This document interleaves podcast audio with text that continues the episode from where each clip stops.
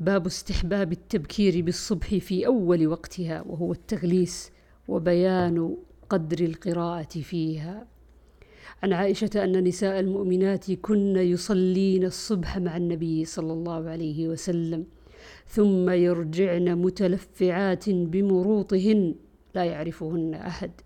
وعنها قالت لقد كان نساء من المؤمنات يشهدن الفجر مع رسول الله صلى الله عليه وسلم متلفعات بمروطهن ثم ينقلبن إلى بيوتهن وما يعرفن من تغليف من تغليس رسول الله صلى الله عليه وسلم بالصلاة.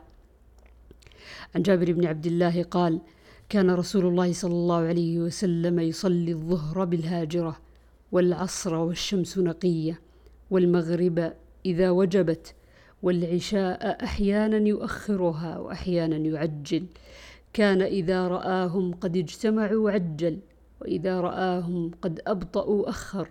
والصبح كانوا أو قال كان النبي صلى الله عليه وسلم يصليها بغلس.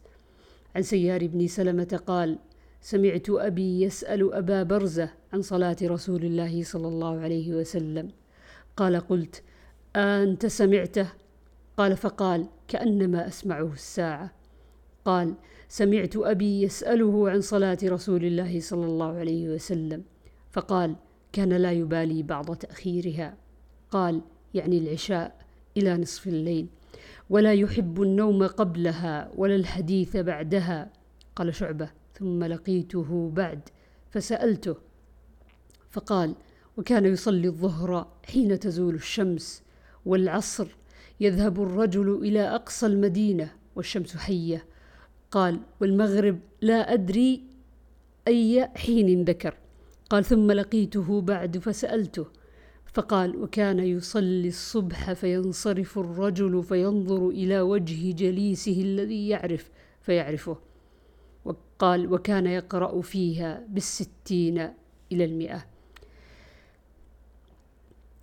وعن أبي برزة قال كان رسول الله صلى الله عليه وسلم لا يبالي بعض تأخير صلاة العشاء إلى نصف الليل وكان لا يحب النوم قبلها ولا الحديث بعدها. وعنه قال كان رسول الله صلى الله عليه وسلم يؤخر العشاء إلى ثلث الليل ويكره النوم قبلها والحديث بعدها وكان يقرأ في صلاة الفجر من المئة إلى الستين وكان ينصرف حين يعرف بعضنا وجه بعض. باب كراهة تأخير الصلاة عن وقتها المختار وما يفعله المأموم إذا أخرها الإمام.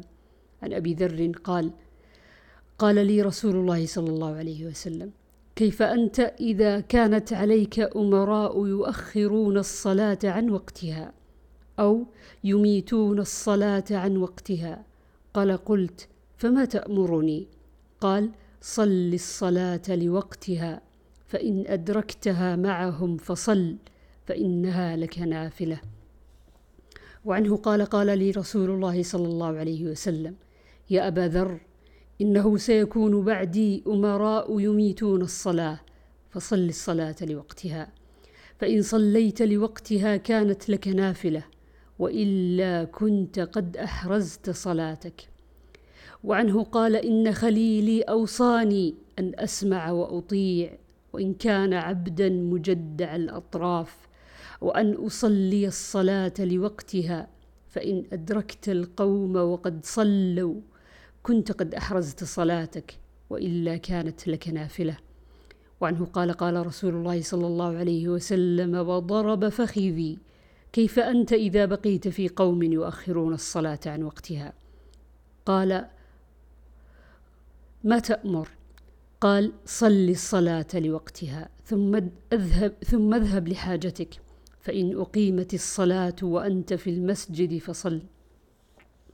عن أبي العالية البراء قال أخر ابن زياد الصلاة فجاءني عبد الله بن الصامت فألقيت له كرسيا فجلس عليه فذكرت له صنيع بن زياد فعض على شفتيه فضرب على فخذي وقال إني سألت أبا ذر كما سألتني فضرب فخذي كما ضربت فخذك وقال إني سألت رسول الله صلى الله عليه وسلم كما سألتني فضرب فخذي كما ضربت فخذك وقال صل الصلاة لوقتها فإن أدركتك الصلاة معهم فصل ولا تقل إني قد صليت فلا أصلي.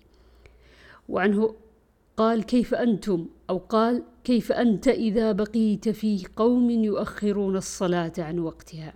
فصل الصلاة لوقتها ثم إن أقيمت الصلاة ثم إن أقيمت الصلاة فصل معهم فإنها زيادة خير.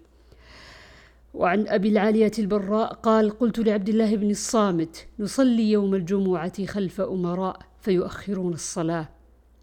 قال فضرب فخذي ضربة أوجعتني. وقال سألت أبا ذر عن ذلك فضرب فخذي. وقال سألت رسول الله صلى الله عليه وسلم عن ذلك. فقال صلوا الصلاة لوقتها واجعلوا صلاتكم معهم نافلة.